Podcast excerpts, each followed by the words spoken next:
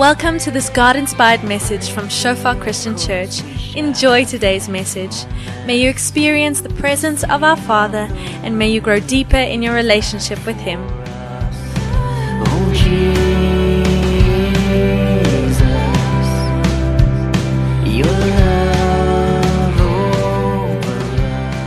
Welkom aan almal hier vanmôre. Dit is lekker om weer terug te wees. Ons was laasweek bietjie daar by Shofar Johannesburg in Sandton. Um, ek moet sê alhoewel hulle meer van my grappies lag, is hulle nie so oulik soos julle nie. Um, en ek het baie baie na julle verlang. Dit is regtig vir my lekker om vanoggend hier te wees. Vir die van julle wat my nie ken nie, my naam is Wian. Ek is die pastoor hierso. Dit is my voorreg om vanoggend die woord van God met julle te kan deel. Nou, maar net voordat ek dit doen, wil ek net sê as jy vanoggend nie is hierso en jy wonder wat het nou gebeur, ons het nou mense gevra om vorentoe te kom en 'n woord te kom deel as let en alles klink dalk so 'n bietjie snaaks. As dit vir jou snaaks klink, gaan lees 1 Korintiërs 14. 'n Stuk skrif wat praat van geestelike gawes en hoe dit veronderstel is om te werk in die kerk. Dat almal van ons wanneer ons bymekaar kom, iets het om te deel, iets het om by te dra, maar alles moet in orde gedoen word en dan lê dit nou nogal daarso uit oor hoe spesifiek dit moet gebeur. Maar vanoggend gaan ons aan met ons preek oor Kolossense en ons gaan kyk na Kolossense 1 van vers 24 tot 27 en ons titel is Christus in ons. Christus in ons. Weet jy wie van julle al daai vers gehoor of gelees het nie? Christus in ons, die hoop op die heerlikheid. Christ in us, the hope of glory.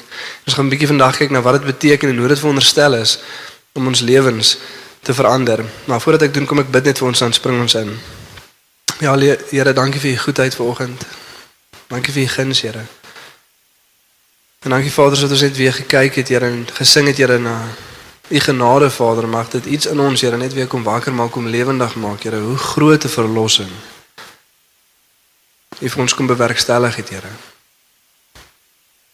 Al twee kante van dit, Here, die kruis vir die liefde van God openbaar, Vader, maar aan die ander kant, Here, die sondige natuur van die mens. Albei ewe groot, Here.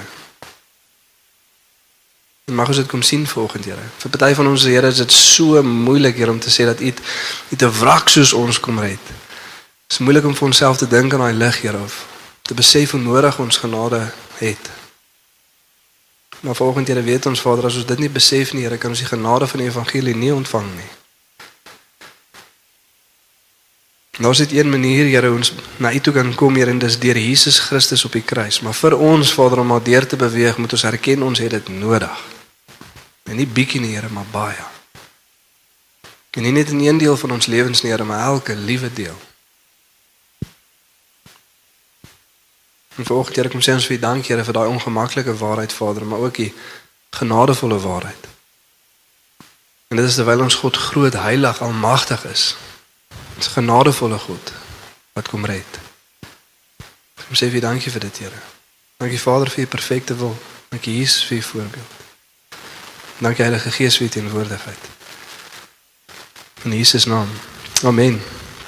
So wat ek sê ons kyk vanoggend na vers 24 en 27 en vir die van julle wat net die laaste twee keer hier was nie, ons het die eerste gedeelte gekyk na vers 1 tot 14, belangrik vir ons om val vandag se stuk skrif ook in konteks te besef en te verstaan wat dit beteken. Want keer hoor ons al vir die ding, jy weet Christus in ons, die hoop op heerlikheid. Wat is dit veronderstel om te beteken? Vir ons om die vraag te antwoord moet ons kyk wat beteken dit in die konteks van wat om dit gesê word.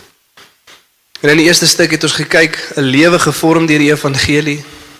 En ons het gesien dat soos wat Paulus skryf vir die kerk by Kolossense dat wanneer ons die evangelie verstaan en glo sodat hy sê julle het dit gehoor en werklik verstaan. Die oomblik as dit gebeur, vorm die evangelie onmiddellik iets in ons lewens. Dit begin vrug dra en groei. En soos ons gesien het, dit wat dit produseer is geloof, liefde en hoop. Paulus skryf en hy sê ons hou aan om vir julle dankie te sê vandat ons gehoor het van julle geloof in Jesus Christus, julle liefde vir al die heiliges op grond van die hoop wat vir julle in die hemel wag. Hiervan het julle gehoor in die woord van die evangelie, die waarheid wat aan julle verkondig was. En toe julle dit gehoor en werklik verstaan het, het dit begin vrug dra en groei. Dit doen dit oral oor die wêreld. Oral gebeur dit. Elke liewe keer as iemand die regte evangelie regtig glo, produseer dit geloof, hoop en liefde. En dan sê Paulus en hoe dit gebeur en hoekom hulle dit werklik verstaan is deur die openbaring van die Gees. Ons moet getrou wees tot die woord, maar ons moet afhanklik wees van die Gees om die openbaring te kom bring. Want dan lees ons Paulus skryf verder en sê hy van daai dag af bid ons vir julle en ons vra dat God vir julle die volle openbaring van sy wil sal gee. Dat hy julle wysheid en kennis en insig sal gee wat die Gees gee. Sodat jy 'n lewe kan leef wat God behaag. En weer eens, die oomblik as ons iets van God verstaan, die oomblik as die Heilige Gees iets kom openbaar van wie Jesus is en wat hy vir ons gedoen het, dan vorm dit ons lewens. Sodat ons 'n lewe kan leef wat God behaag. En sodat dit aanhou vrug dra en groei in die kennis van God. En soos wat ons gehoorsaam is aan God, soos wat dit ons lewens verander en ons daai nuwe lewe uitleef, so besef ons tot 'n groter mate wie God is.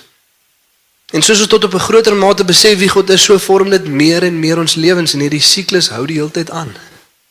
Siklus van genade konstant is ons besig om te groei, soos wat ons God leer ken.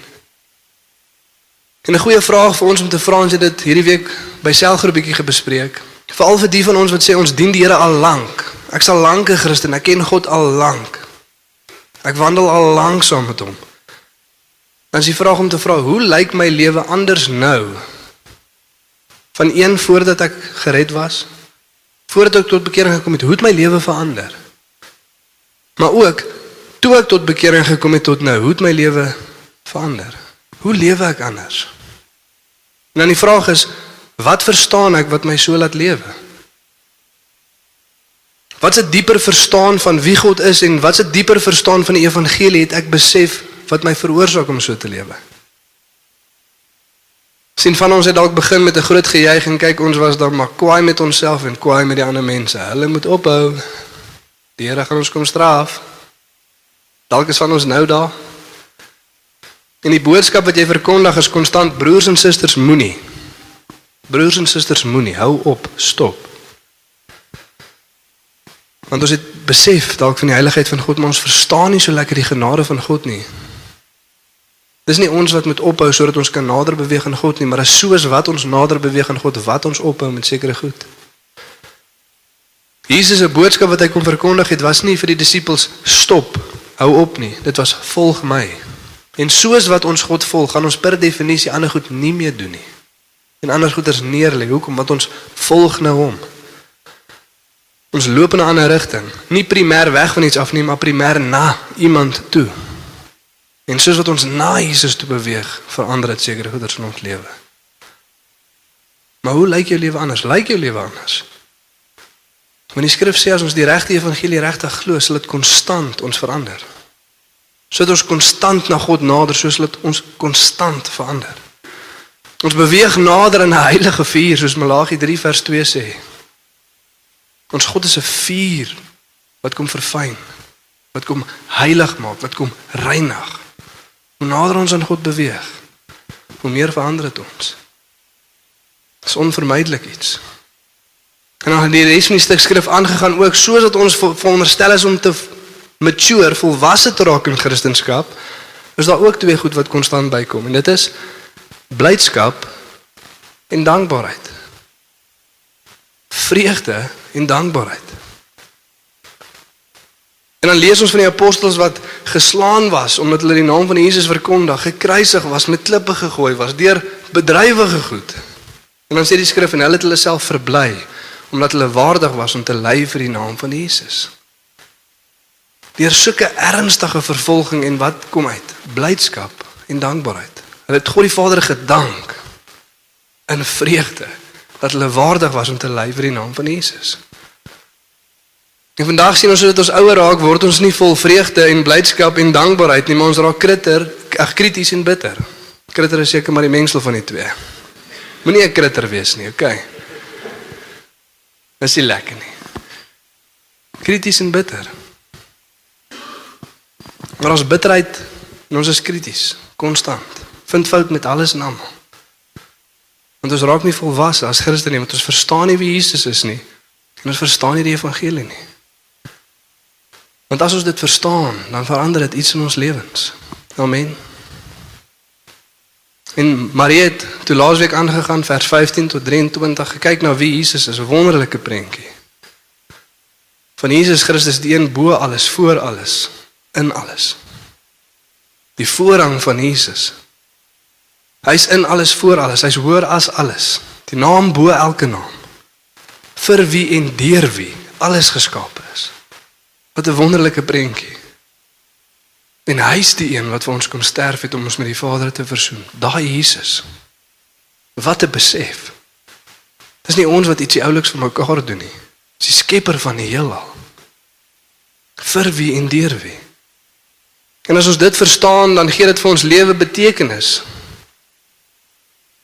En dit gee vir ons identiteit. Ek's deur Jesus gemaak voordat ek enigiets doen. Het my lewe betekenis oor die een wie my gemaak het. Ek is deur Jesus Christus geskape. Ek hoef nie 'n backflip of 'n toertjie te doen om oulik te lyk nie. Besef wie ek is. En maak nie saak wat my roeping is nie, maak nie saak wat dit is wat ek moet doen op hierdie aarde nie, dis waardevol. Hoekom? Want Jesus het daai werk vir my gegee. As ons dink aan die tuin, jy weet hierdie prentjie voordat son in die wêreld inkom, voordat almal is net happy en bly en alles is soos wat dit moet wees. Wat is Adam se werk? Hy's 'n tuinier. Hy moet na die tuin omsien en na die, die na die diere kyk. En ek weet nie wie van ons het al gedink Jesus as ek net 'n tuinier kan wees. Eers dan sal ek nou maar vol hoop. Dan sal ek my doel bereik. Dit sal my vol maak om 'n tuinier te wees. Want dit gaan nie oor wat jy doen nie, dit gaan oor die een wat daai werk vir jou gegee het. Dis wat betekenis gee aan dit. Maar dan verstaan ons dit nie en ons wil laat die skepping in plaas van die skepper die doel van iets of die betekenis van iets bepaal. En dan as ons na God toe kom en ons soek hierdie roeping, Jesus Here, ons wil net 'n groot een hê, 'n cool een. Net 'n light in die show, ons wil 'n lekker een hê. Dit gaan nie oor wat mense daarvan dink nie. Dit gaan oor wat God vir jou gegee het om te doen. En omdat hy dit vir jou gegee het, daarom het dit betekenis. Is dit wonderlik nie? Twee van die goeders waarmee mense soveel sukkel. Betekenis. Wie is ek en wat maak ek hier? Is vir Jesus hierso. Jy's deur hom geskape. So vir een ateïs gesê het, ek kan nie onthou wie was dit nie, maar ook in 'n debat oor skepping en geloof en Christendom. En hy sê toe ten minste dat as ateïste moet ons erken dat as God nie bestaan nie, is hierdie hele lewe betekenisloos. Dit is doelloos, dit beteken niks. Ons moet tot daai konklusie kom. As daar nie 'n skepper is nie, as daar nie 'n een is wat almagtig en ewig is nie. Maak dit nie saak wat ons doen, hoe goed of hoe sleg dit is nie. Dit beteken op die einde niks. Waardeloos. Maar omdat ons deur God en vir God geskape is, het ons lewe klaar betekenis. Amen. Dit is nie wonderlik nie.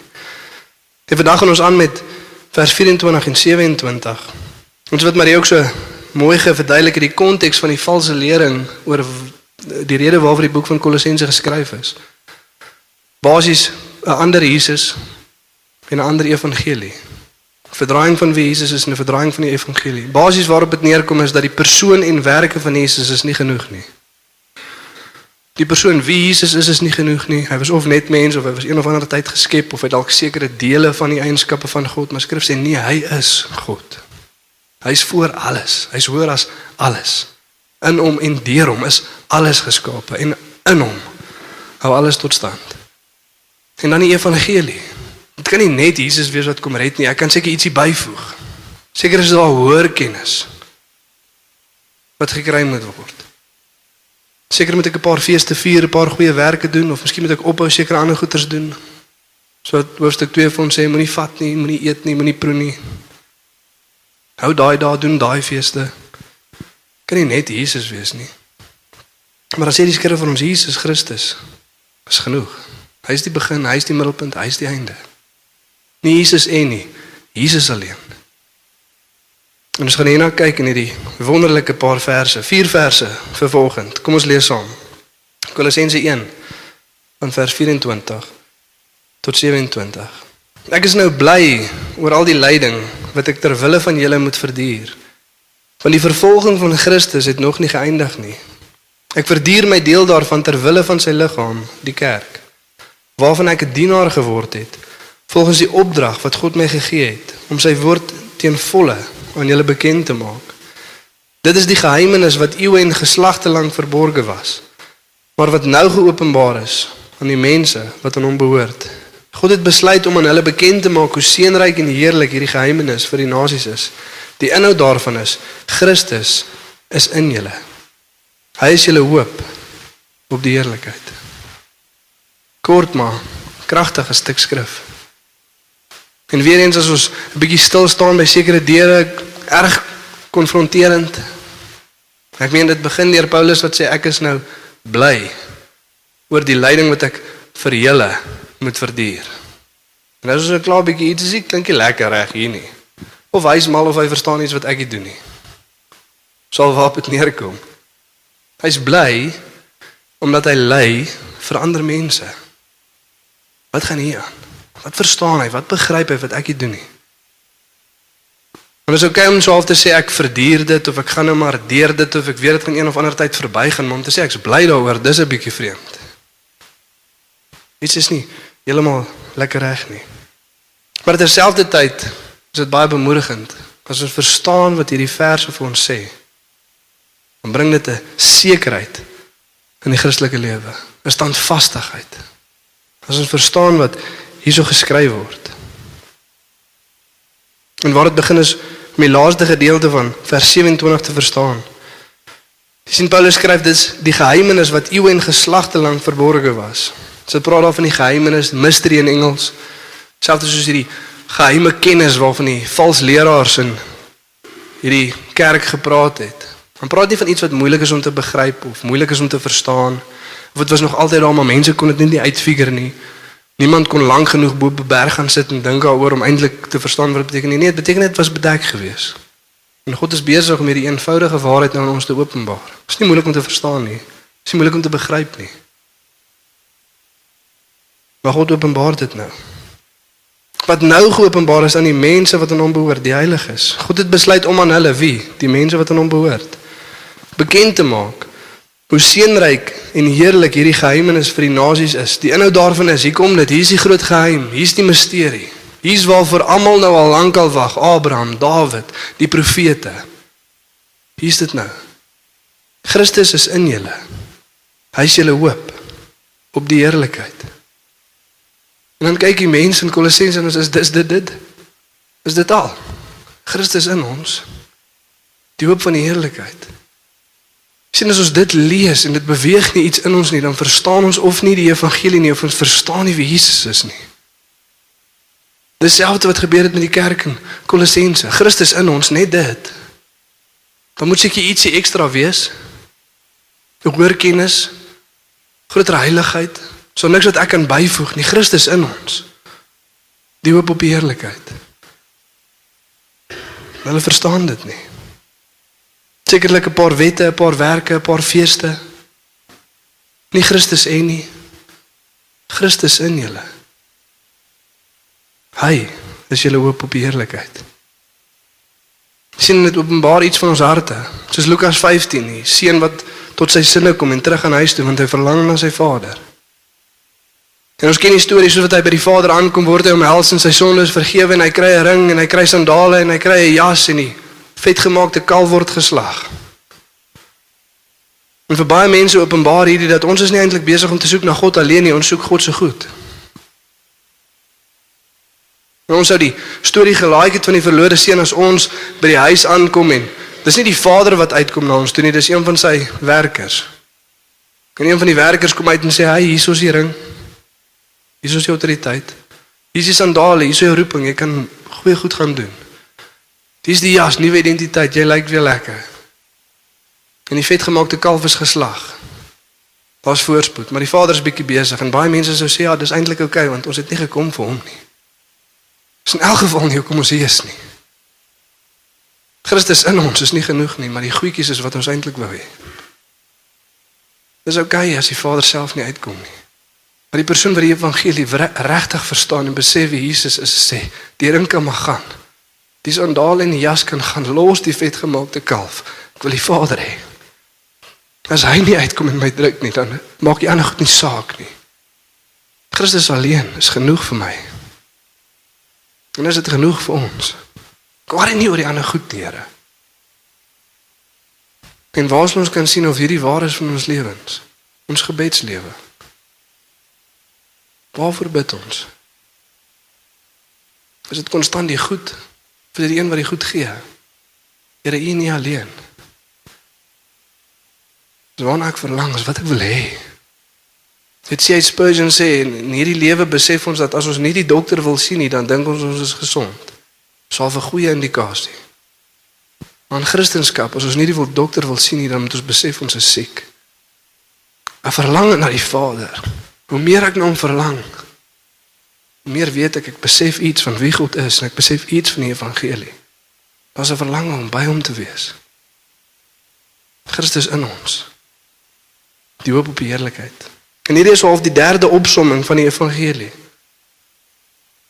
Eersteens wat Kaal vanoggend gelees het, uit ons uit die mag van die duisternis verlos. Party van ons, al die Afrikaners, raai so ongemaklike stelling. Gered uit die mag van duisternis. Ons was deel van die koninkryk van duisternis. Ons het gedink, ons het gedoen, ons het gebegeer soos wat iemand in daai koninkryk begeer en wanneer ons die regte goed gedoen het, was dit vir die verkeerde rede. Dis iets wat ons moet besef vanoggend. So ek sê baie mense kan nie sing Amazing Grace how sweet the sound nie want ons kan nie besef save the rage like me. Ek kan dit nie sê nie, ek kan nie aan dink nie. Dink ek was beter as wat ek eintlik is. So ek besef nie die genade nie want ek besef nie hoeveel ek dit nodig gehad het nie.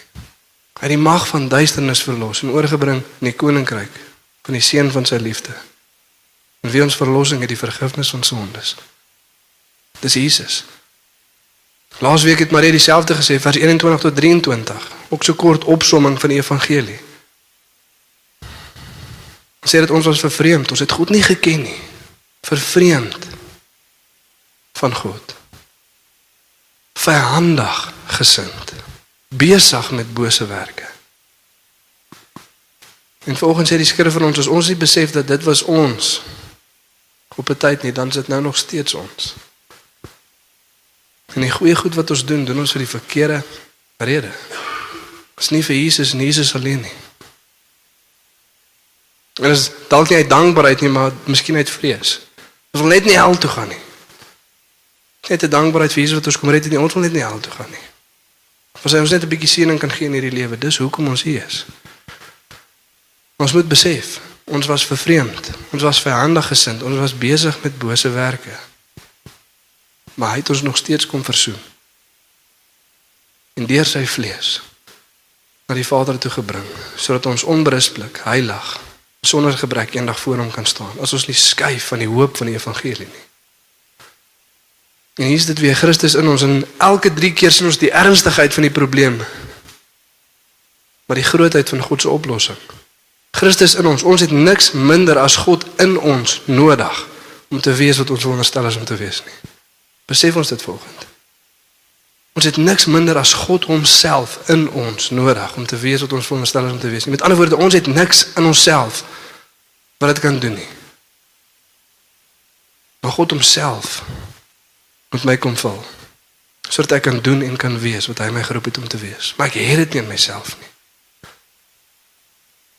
En weer eens, wat is dit veronderstel om te produseer? As ons dit regtig verstaan, as ons dit besef, Wat het die eerste hoofstuk gesê? Geloof. Liefde en hoop. As ek hierdie regtig verstaan, dan produseer dit weer eens geloof, liefde en hoop. En kom ons begin eers by hoop en dan kyk ons na geloof en liefde. In die eerste hoofstuk sê vir ons ons geloof in Jesus, ons liefde vir die heiligheid, heiliges op grond van die hoop. Die ander twee rus op grond van hierdie hoop, maar Jesus is die begin, hy is die middelpunt. Hy is die einde. Dit sê die volgende in Efesiërs 1 vers 13 tot 14. Hier is hoe Christus in ons hoop produseer. Die evangelie van julle verlossing gehoor en tot geloof gekom het. In Christus het die Heilige Gees wat deur God beloof is, julle as die eiendom van God beseël. Die Heilige Gees is die waarborg dat ons ook verder sal ontvang wat God beloof het wanneer hy almal wat aan hom behoort volkome sal verlos. Daarom moet ons sy grootheid prys. En dan gaan hierdie stuk skrif aan en dit sê presies dieselfde as Kolossense. Daarom van die dag wat ons gehoor het van julle geloof in Christus Jesus en julle liefde vir die heiliges, het ons aanhou om vir God dankie te sê oor julle en ons bid dat die oë van julle harte verlig sal word deur die kennis van die Gees sodat julle sal weet wat die hoop is wat vir julle in die hemel wag. Geloof, hoop en liefde. Maar dit sê die oomblik toe ons glo, was ons met die Heilige Gees beseël as die eiendom van God. Ek behoort aan God. Hoe weet ek dit? Die Heilige Gees in my. Christus in my, die hoop op die heerlikheid. Hoe weet jy dat jy eendag in die hemel gaan wees? Hoe weet jy dat Jesus jou gaan kom haal? Die Heilige Gees is die waarborg dat ons ook verder sal ontvang wat God beloof het. Dis hoe ek weet. Dis hoekom Paulus vir die vroeë kerk vra as hy die mense raakloop in Handelinge en dan vra hy, het julle die Gees ontvang toe julle geglo het? Want as jy nie die Gees ontvang het nie, is jy nie beseël nie. Geen hoop. Christus in ons is die hoop op die heerlikheid. Dis hoe ons weet. Dis hoe ons weet of Jesus Christus gaan terugkom. En jy sien ons hoop gaan of wees in ons eie vermoë om die tydelike perfek of gemaklik te maak of ons hoop gaan wees op die een wat die ewige perfek gaan maak. Die een is wankelbaar en die een is so seker soos Jesus op self op die kruis. En van ons hoop skuif heen en weer. Hoekom? Want dit is gebaseer op die tydelike.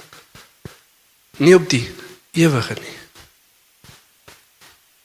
Maar op die tydelike. En weer eens, hoe is hierdie veronderstel om ons lewens te beïnvloed? Eerstens dit gee vir ons 'n groot sekerheid. Dat dit wat vir ons was, is so seker. Dit wat vir ons wag, Jesus wat vir ons kom. Ons wat deelgeneem in die koninkryk van God so seker niemand kan dit vat nie. Niemand kan dit wegvat nie. Dit bly daar. Maar tweedens, hoe leef ons as ons hoop op Jesus met die wete dat Christus homself in ons is? Jy weet party van ons doen goed wat ons nie sou doen as iemand langs ons gestaan het nie. As jy weet wat ek bedoel. Ek sê baie keer vir die mense, dis een van die goeie wat klaar help as jy kom vir berading. Dit is baie moeiliker om op jou vrou te skree as iemand anders ook daar sit. Jy praat 'n bietjie anders. My liefie, my lief, my luister en jy weet ek's baie meer redelik as gewoonlik. Dan as iemand daar. Nou beleef God homself nie net by jou nie, maar in jou. Hoe's dit veronderstel om ons lewe te beïnvloed? En weer eens is die vraag, glo ons dit dan regtig? Beleef ons dit dan regtig? Want party van ons dink nou aan die goed wat ons doen en ons dink eers as Jesus net by my gestaan het, sou ek nooit dit gedoen het nie. Skrif sê nie net was hy by jou nie, hy's in jou. Besef ons dit. Sommige is al vir die gedagte en ook dan te besef soos ons gelees het, Jesus Christus is een wat ons gemaak het. Ek behoort nie aan myself nie. Ek behoort aan God. Soms is die idee dat iemand het vir jou 'n kar geleen of miskien was jy by hulle huis gewees vir 'n rukkie en hulle is nou op pad terug. Wat doen jy? Jy maak daai ding netjies.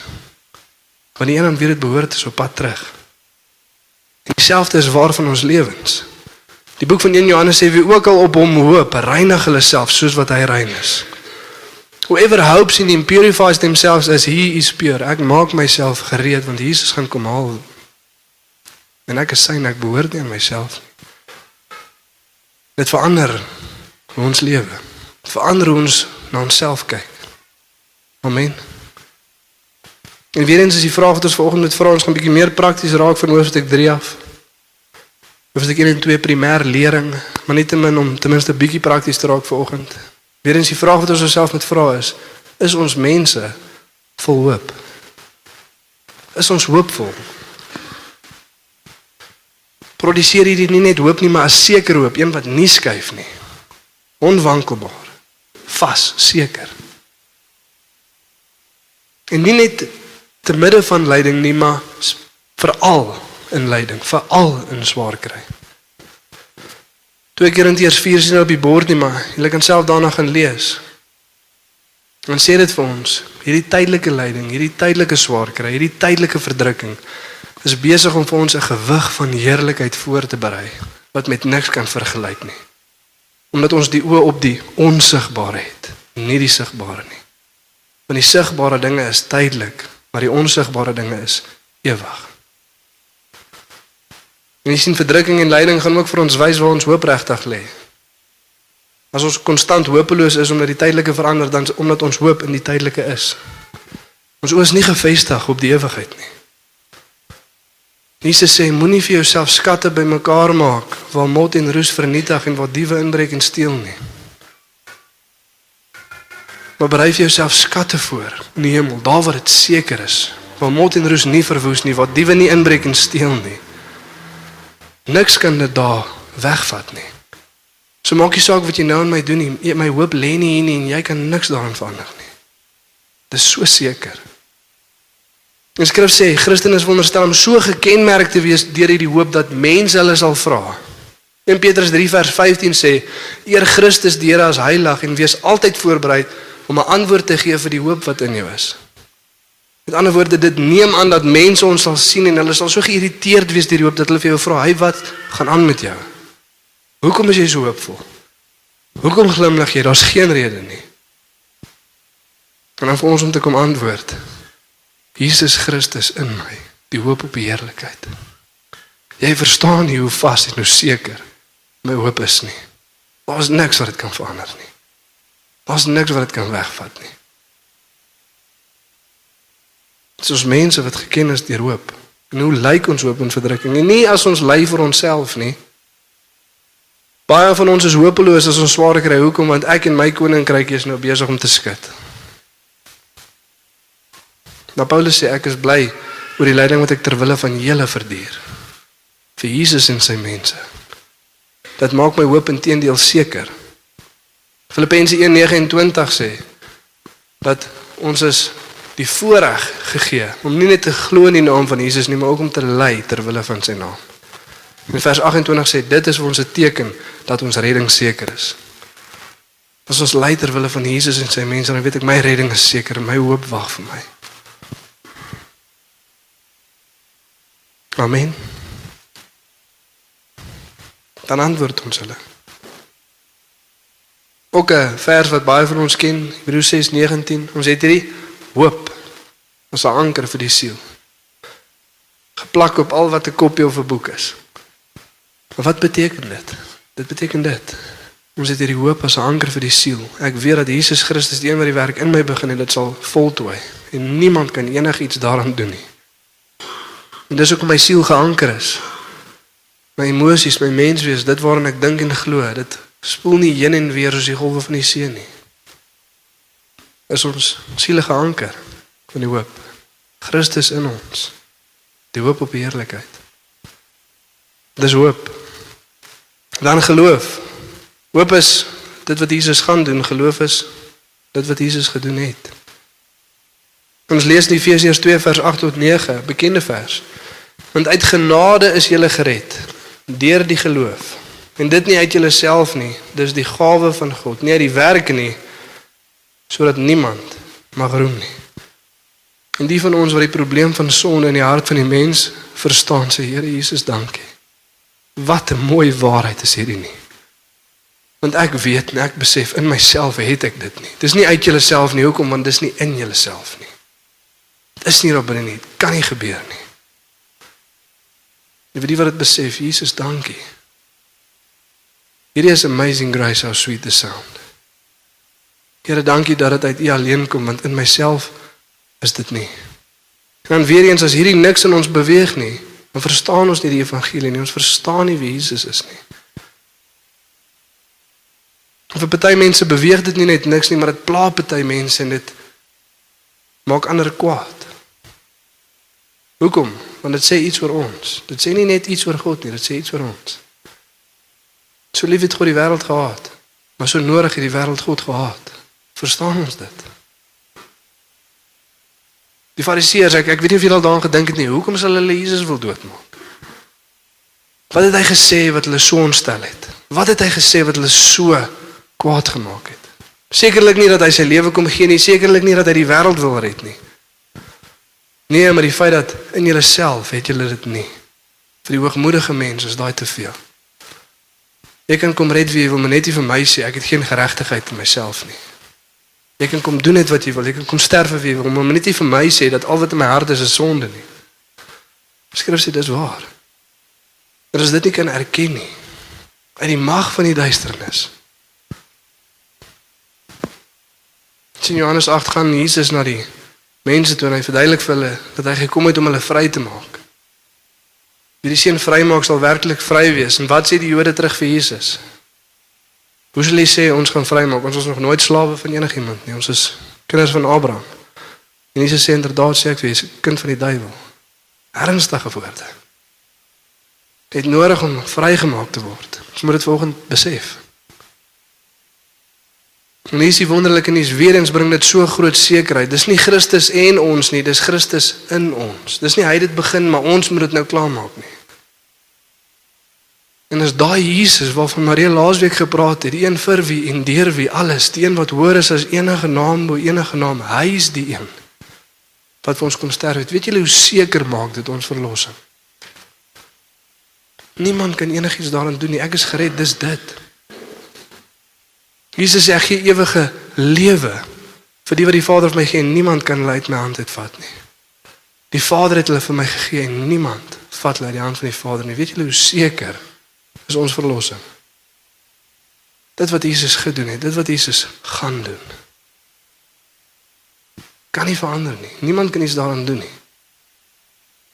My verlossing is seker. Nie oor ek nie, Christus alleen. Nie Christus en ek nie, Christus in my.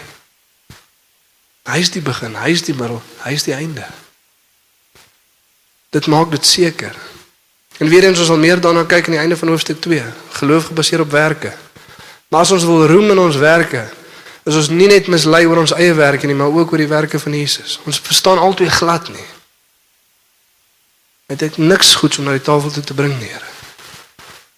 Ons 'n mooi liedjie van onbeskaamd. Bring dit vir my. Sê bring jou leë vuil hande. Hy was dit silwer skoon. Nie net het ons leë hande nie, maar is vuil ook. Ek het niks om te bring, Here. Maar te dank aan Jesus Christus is dit genoeg. Jesus alleen. Verstaan ons dit volgend? Beweeg dit iets in ons volgend? En weer eens, wat is dit veronderstel om te veroorsaak?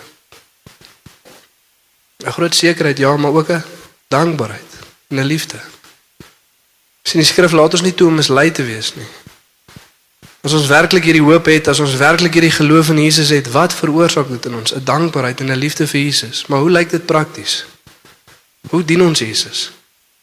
Hoe betoon ons ons liefde? Nou maak dit 'n bietjie meer sin wat Paulus sê, vers 24 en 25. Ek is nou bly oor al die lyding wat ek ter wille van julle moet verduur. Wanneer die vervolging van Christus het nog nie geëindig nie, ek verduur my deel daarvan ter wille van sy liggaam, die kerk waarvan ek 'n dienaar geword het. Volgens die opdrag wat God my gegee het om sy woord in volle aan julle bekend te maak. sien hoe pas Paulus daai twee goeders bymekaar. Christus homself en sy liggaam. Ek is nou bly oor die lyding wat ek ter wille van julle moet verduur want die vervolging van Christus het nog nie geëindig nie. Jesus word nog steeds vervolg. Hoe? Deur sy liggaam. In Handelinge 9, Paulus het dit verstaan toe Jesus aan hom verskyn terwyl hy besig was om die kerk te vervolg. Wat het Jesus vir hom gesê? Hy het gesê: "Wie is u, Here?" Hy het gesê: "Ek's Jesus, die een wat jy besig is om te vervolg." As jy my kerk vervolg, vervolg jy my. Ek vat dit persoonlik. Dis asof jy dit aan myself doen. Paulus sê ek lei ter wille van die kerk, lei ek vir Jesus homself. En ek het 'n dienaar geword van die liggaam. Hoekom? Want ek dien die hoof wie Jesus is. Dis hoe hierdie liefde lyk. Nie net Christus in my nie, maar Christus in ons. Sien ons is so geneig om aan alles te dink in ons individualistiese wêreld. Christus in my, ja, maar Christus in jou ook. Christus in ons. As ek hom wil dien, dan dien ek sy mense. Dis hoekom 'n liefde vir God en 'n liefde vir sy mense onskeibaar is. Ons kan nie skei van mekaar nie, dit gaan saam.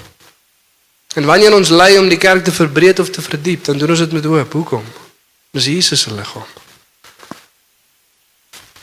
En nie net om Jesus te dien nie, maar is ook ons wat bly in die ewigheid. Wat is die enigste ding in hierdie hele wêreld wat ewig is? Die enigste ding. Die mense om ons. Die mense om ons. Alles anders gaan vergaan. Soos die liedjie wat ons gesing het, this whole world will soon dissolve like snow. Die hele wêreld gaan verbrand. En weet jy hoe hard besig is party mense om 'n lekker dier vuurbak hout bymekaar te maak. Sjoe hoor wat ek sê. Lekker dier vuurbak hout. Dit gaan brand. Waarmee is jy besig? Dit gaan alles verbrand. Daar's een enkele ding wat ewig is. Dis die mense om jou. Gered of ongered. Ewigheid is seker, dis net waar in ewigheid jy gaan wees. Maar jy's ewig. Gaan vir ewig lewe. Ons het so dom sê ding YOLO. You only live once. Maar is eintlik YOLF. You only live forever. Jy gaan vir ewig lewe, maat. Vraag is net waar. Maar vir ewig in jou lewe. En as ons wil belê in ewigheid dan belê ons in mekaar. Nie net in ons eie geestelike groei nie, maar in die geestelike groei van die mense om ons. Hoekom? Sodat ek soveel as moontlik deel kan hê in dit wat Jesus gaan kom haal en dis sy kerk. Dis hoe mens belê in ewigheid. Amen. Dis hoekom ons dit doen. Ek lewe nie vir die tydelik nie, maar vir dit wat ontydelik is. Ek sluit vir ons af met Matteus 25 van vers 31 tot 40. Nie waar nie is nie 'n tweede preek wat gaan gebeur nie. Hier is meer verse as wat ons nou gekyk het. Maar dit verduidelik dit so mooi. En wanneer die seun van die mens in sy heerlikheid kom en al die heilige engele saam met hom, dan sal hy op sy heerlike troon sit en voor hom sal al die nasies versamel word. En hy sal hulle van mekaar afskei soos 'n herder die skape van die bokke afskei. En hy sal die skape aan sy regterhand en die bokke aan sy linkerhand sit. Dan sal die koning vir die wat aan sy regterhand is sê: "Kom julle geseëndes van my Vader, beerf die koninkryk wat vir julle berei is van die grondlegging van die wêreld af." Mooi. Want wie is dit nou? Ek het honger gehad en julle het my te ete gegee. Ek het dors gehad en julle het my te drinke gegee. Ek was 'n vreemdeling en julle het my herberg gegee. Ek was naak en julle het my beklee. Ek was siek en julle het my besoek. In die gevangenis was ek en julle het na my gekom. Dan is hulle regverdiges om antwoord en sê: Here, wanneer het ons u honger gesien en u gevoed of dors en u te drinke gegee? En wanneer het u 'n vreemdeling gesien en herberg gegee of naak en geklee? En wanneer het ons u siek gesien of in gevangenis en na u gekom? En die koning sal antwoord en vir hulle sê: "Voorwaar ek sê vir julle, sover julle dit gedoen het aan enigs van die geringstes van hierdie broers van my, het julle dit aan my gedoen." Mooi is dit. As jy my mense dien, dan dien jy my. En dan gaan die storie aan. Sê vir die aan sy linkerkant. Dieselfde, julle het my honger gesien, maar julle het my nie kos gegee nie. Julle het my dors gesien en niks gegee om te drink nie. 'n Vreemdeling en my nie verwelkom nie, kaal en nie geklee nie. Siek en in die tronk maar my nie besoek nie. Sê Here, wanneer het ons dit gedoen? Wanneer het ons U so gesien? As jy dit nie gedoen het vir een van die geringstes van hierdie net, jy dit ook nie aan my gedoen nie. 'n Liefde vir God en sy mense. En weer eens, dis nie goeie werke wat ons red nie, maar mense wat gered is is vol van goeie werke. Hy dankbaarheid uit. En vir die van ons wat dien volgens is die vraag hoekom dien ons? Is dit dankbaarheid en liefde? Of is dit uit plig en vrees? Of miskien uit begeerte ons wil iets hê. Soek 'n ring, soek 'n sandale, soek 'n kleed. Soek 'n vetgemaakte skaap. Of is ons hoop in dit wat Jesus gaan doen? En ons geloof in dit wat hy gedoen het. Besig om in ons dankbaarheid te kweek wat op geen ander manier uitgedra kan word om te sê Here, ek's lief vir U. Ek dien U waar ook al ek kans kry. As ons oë gefestig op dit wat tydelik is, en elke nou en dan is ons hoop in sy kas in, maar die tydelik is in sy kas in. Of is ons hoop gefestig? Want is weggelê in die hemel, dit wat nie kan verander nie. En die een wat dit vir ons gemaak het en die een wat vir ons veilig hou is die een wat vir wie en deur wie alles ontstaan. Daai Jesus. Nie Jesus wat eendag geskape was nie, nie Jesus wat 'n bietjie van God se eienskappe het nie, maar God homself. Dis so seker ons hoop is. En in opsomming sou die skrif vir ons sê as ons besef wie God is, ons besef wat hy vir ons gedoen het, dan lei dit ons om 'n lewe waardig te lewe. Hoe lyk 'n lewe wat waardig is van God? Hoe lyk 'n lewe wat waardig is van die evangelie? Dis om te lewe asof Christus in ons is. Kom ons staan volgende en bid ons aan.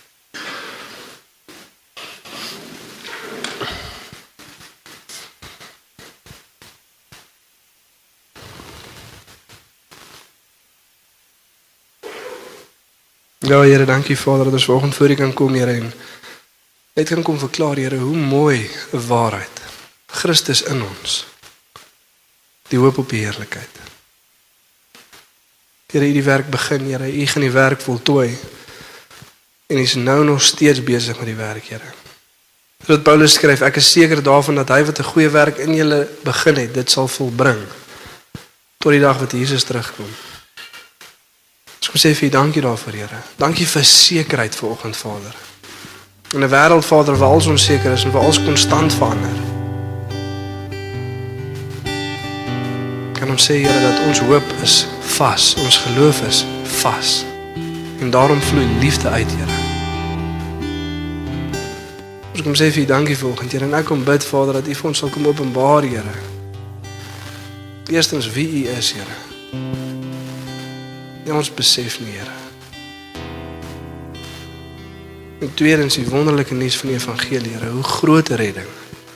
Hoe groot 'n God. Ek kom bid vanoggend Here dat daar las van skouers sal afwas, afval Vader. Mense wat so besig is met 'n Jesus en ek evangelie. Jesus het 'n weg gemaak, maar nou beter ek hard probeer. Nee. So het Jan Lou gesê, "Waai daai wit vlag, hoe stikkend hy ook al mag wees." Here, ek is klaar, moeg gesukkel. Christus in my, die hoop op heerlikheid.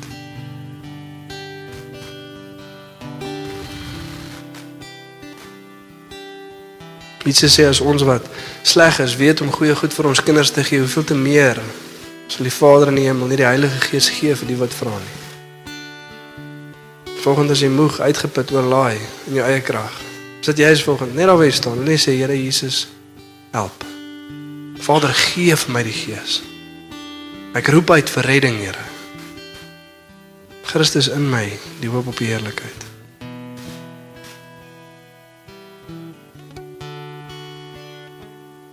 Party van ons vanoggend is so onseker oor die lewe, konstant besig om te stres en angstig, want ons hoop is in die tydelike. Ons probeer so gemaklik lewe soos wat ons kan hier en nou. Miskien met 'n goeie motief, die kinders wat na jou kom, ons onsekerheid. Ons lewe nie vir die wêreld nie. Ons hoop en ons skat daar waar geen mens kan inbreek en steel. Geen mot of roes kan verwoes. As dit jy is volgens en jy's hopeloos, wil nie vir die Here sê Here kom help my om my hoop weer te skuif na Jesus toe nie. Jesus alleen.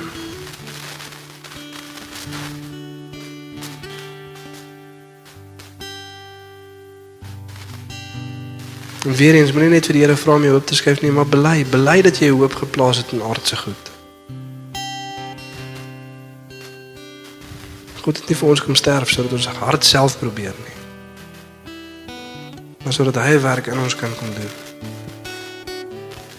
Dan sal die liefde uitvloei.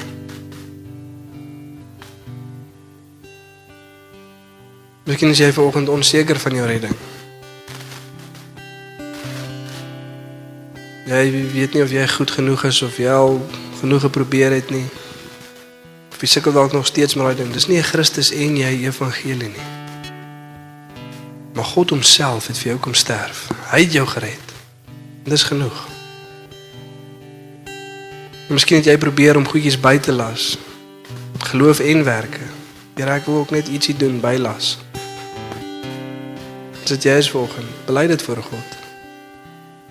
En sê ek sit my geloof in Jesus alleen. Christus alleen.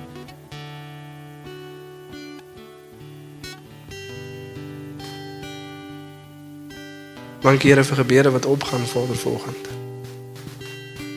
Dankie Here vir wit vlaggies wat waai Here. Ons is moeg ons is klaar Here. Dankie Here vir mense wat nederig voor U kom Here en sê ons het U nodig. Maar boonbehalwe Here kom bid ons vir die grootste wonderwerk van almal Here. Dis om die hoogmoedige hart van die mens te kom laat erken Here ons het U nodig. Ons kom bid vir dit vanoggend, Here. Dankie vir elke mens wat besef, Here. Dankie vir elke hart wat bely. Dankie vir geloof en hoop, Here, wat terugskuif na U toe. En dankie Here vir liefde wat uitvloei. Christus in ons. Ons hoop op die heerlikheid. Dankie Here vir so groot sekerheid in 'n onsekere wêreld. En ek bid Here dat daai sekerheid, Vader, daai hoop wat die siel anker, Here, so sigbaar sal wees. Sodat ons in ons werksplekke is, Here by familie, vriende. Wat mense sal vra. Wat gaan aan met julle? Plaat dit wat konstant verander en verval is van hierdie wêreld julle nie. Dat ons kan sê nee, Christus in ons, die hoop op die heerlikheid. Ons lewe nie vir die wêreld nie. En vir elke lyding, Here, wat ons moet deurgaan ter wille van U, van die mense, Here, leer ons om ook te sê dat ons het die voorreg, Here, nie net om te glo in U naam nie, maar om te ly vir U naam. U het U lewe vir ons gegee, Here, en ons gee dit terug vir U. Nou ons behoort aan U, Here. En dankie Here dat ons kan belê, Vader, in dit wat ewig is en dis die mense om ons. Liefde is nie 'n gevoel nie, Here. Maar 'n kommitment, Here, vir die geestelike gesondheid vir die mense om ons, gered of ongered. Maar mag ons lewe vir die ewigheid. In Jesus naam. Amen.